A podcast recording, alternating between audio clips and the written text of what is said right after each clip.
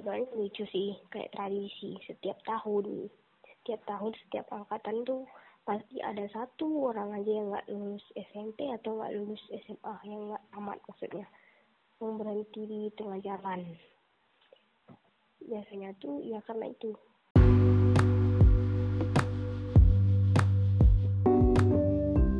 Hai semuanya, selamat datang. Saya Kelvin Anggoro, tuan rumah Chandra di Muka.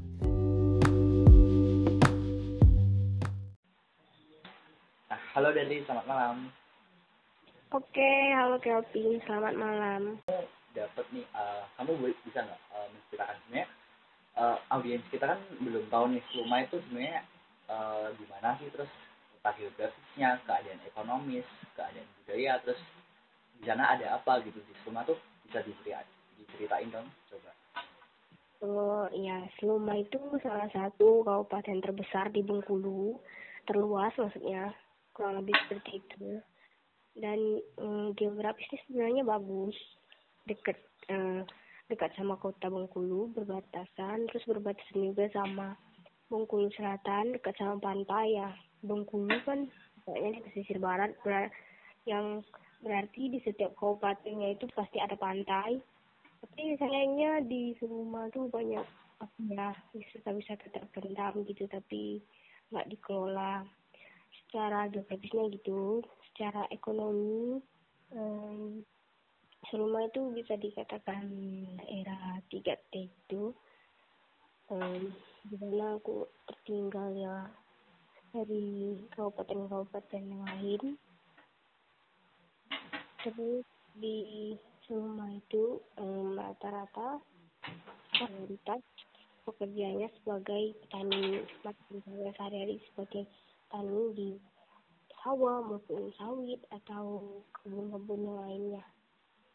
Bukan kebun kopi atau sayur ya. Spesifik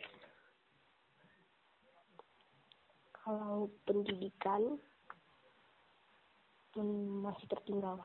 Sekolah-sekolahnya pun kebanyakan masih akreditasi B. Wah, kalau.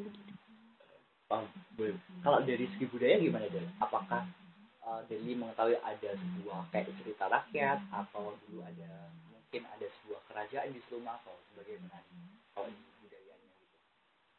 Hmm, ada sih, tapi keberadaannya tuh belum bisa dibuktikan gitu, kayak cuman cerita dari mulut ke mulut.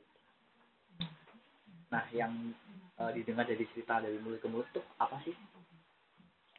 Di Seluma itu di em, yang satu masih kecamatan satu kecamatan sama aku sendiri. Ada kayak rumah peninggalan namanya rumahnya rumah Pangeran Apan yang sekarang jadi cagar budaya dan itu tuh kalau nggak salah bukan kerajaan tapi rumah pangeran. Pangeran itu kayak kalau dulu bupati. Pangeran itu bukan keturunan asli Seluma kayak dia itu melarikan diri dari penjajahan. Oh, terus sampai di situ dia menetap di situ terus menikah sama pribumi.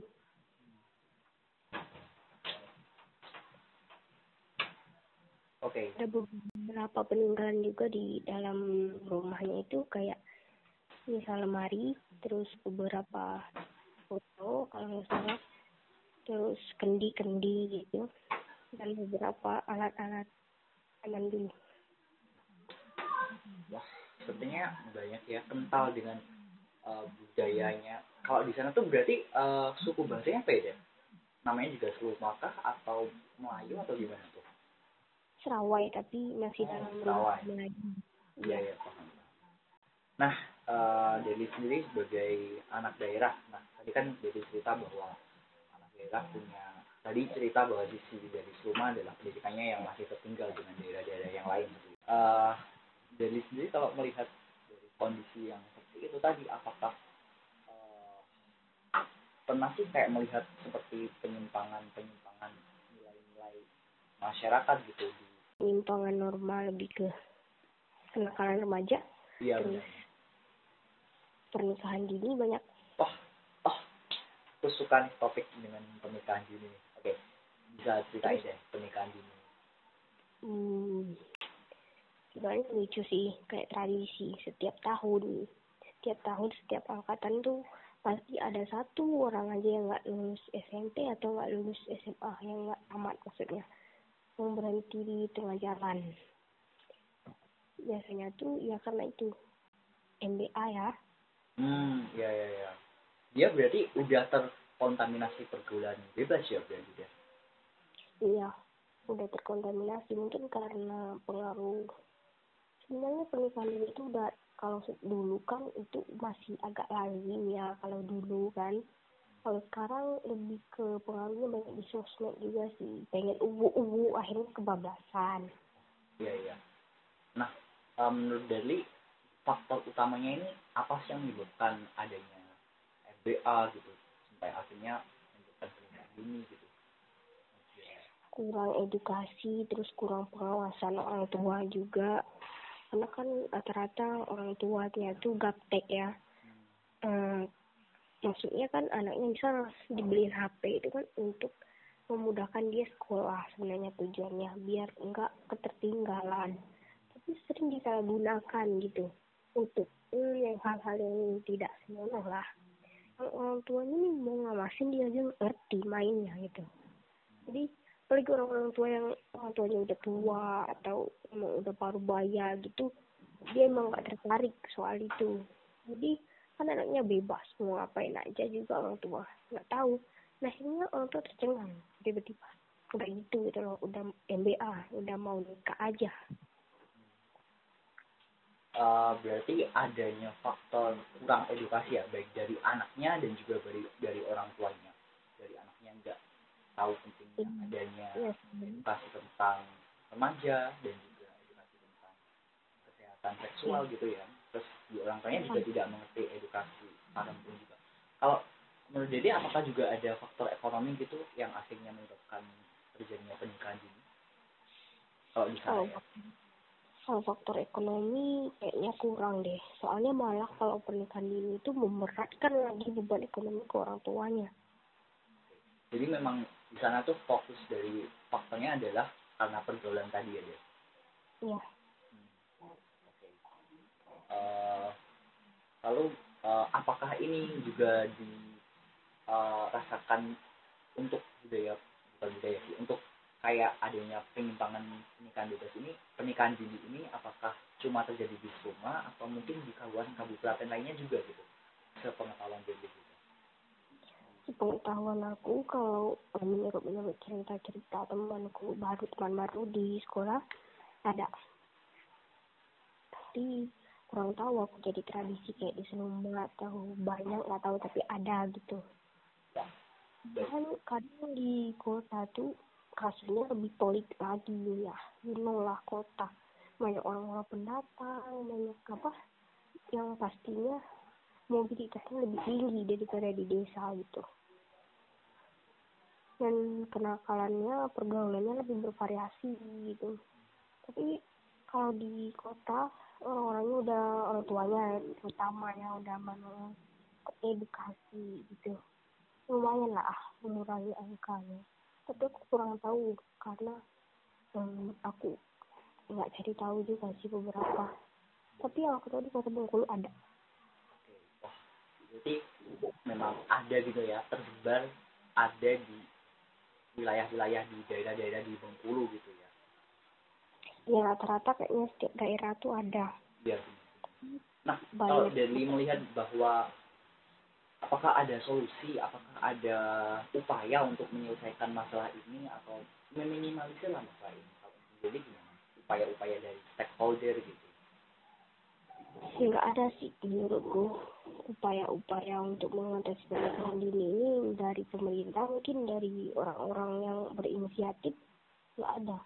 Nggak ada yang mau memajukan diri. Kayak pernikahan ini udah maklum gitu udah jadi pemakluman udah lazim udah biasa gitu.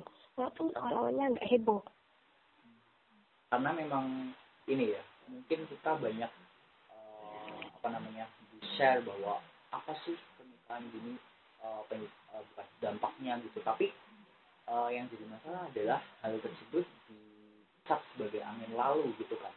Cuma dicap yeah. sebagai uh, ya ini cuma omong kosong gitu kan. Jadi selagi belum ada kesadaran dari si pelakunya ya kita mau buat apa gitu. Kecuali tindakan preventif yang secara masif dilakukan oleh pemerintah gitu. Nah pemerintah uh, pernikahan dini ini kan juga berkaitan dengan misalnya uh, KUA-nya gitu kan. KUA-nya kok membolehkan gitu. Ada anak. Oh aku mau tanya dulu. Kalau di pernikahan dini itu uh, berapa sih rata-rata usianya? Hmm, rata-rata usianya dari umur 14 sampai 17 tahun. 14 udah ada? Tidak ada 14. nah ini yang Hmm, jadi pertanyaan. Kok bisa gitu uh, KUA-nya gitu di daerah tempat bisa meloloskan pernikahan ini gitu karena bahwa karena kan sudah ada regulasinya dari pemerintah atau dari tentang ini yang jadi masalah itu kalau kita mengandalkan upaya-upaya persuasif misalnya dari uh, organisasi-organisasi menurut saya ya kurang tepat juga setelah ada kesadaran dari masyarakatnya. Ya kalau biasanya kan yang udah nikah itu umur 17 tahun kalau nggak salah ya. Yang biasanya kalau yang di bawah 17 tahun itu belum boleh nyetak buku nikah, cuma nikah Oh, nikah siri gitu ya? Ya, secara agama. Oh iya iya iya paham paham. Tapi secara agama itu udah maksudnya udah dibawa ke satu rumah gitu walaupun dokumen yang secara resmi ya Ya udah satu rumah walaupun secara negara, secara hukum belum resmi. aku mau eh, coba ca- tanya juga sih mengenai gitu. Kalau dari sendiri tahu gak sih mengenai kriminalitas kriminalitas di jalan Trans Sumatera kayak bajing loncat gitu tahu gak sih? Kriminalitas hmm, beberapa ada sih kriminalitas kayak kayak hmm, pembacokan misal, tapi kalau kayak begal tuh belum ada sih di semua. oh, di Seluma belum terlalu anu ya? Tidak terlalu rawan ya? Ya kalau begal-begal itu belum tapi kalau kayak maling kayak apa sih? Udah ada kalau maling kalau rampok belum ada. Tapi kalau pembunuhan udah ada. Wah cara uh, Deli untuk melindungi dari diri dari pergaulan-pergaulan yang cukup bebas di daerah Deli kayak misalnya tadi kan ada pergaulan kayak uh, yang mengakibatkan pernikahan dini ada balak liar gitu. Gimana sih cara Deli untuk uh, membatasi Iya, pertemanan membatasi pertemanan terus jarang keluar rumah. Ah loh.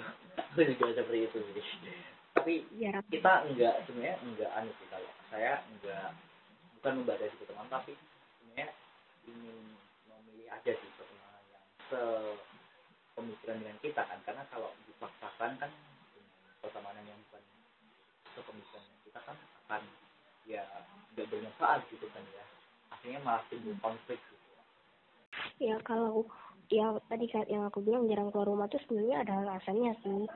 Karena kalau hmm, sering keluar rumah buat apa juga sebenarnya? Sering keluar rumah banyak teman pelajar kan.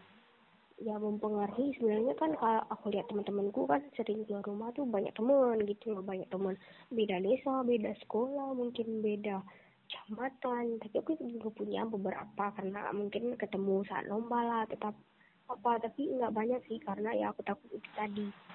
Kan kita nggak tahu setiap orang itu baik jahat apa aku nggak tahu. Jadi melindungi diri dari tindakan-tindakan kita eh, ya eh, bisa mungkin untuk menghindari ke itu ya menghindari hal-hal buruk di luar sana gitu.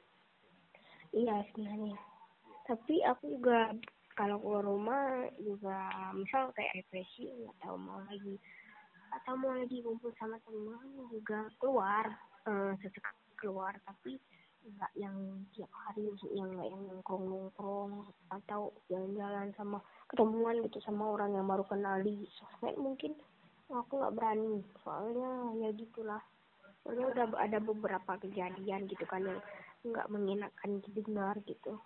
Jadi untuk menghindari hal-hal tersebut mendingan nggak usah gitu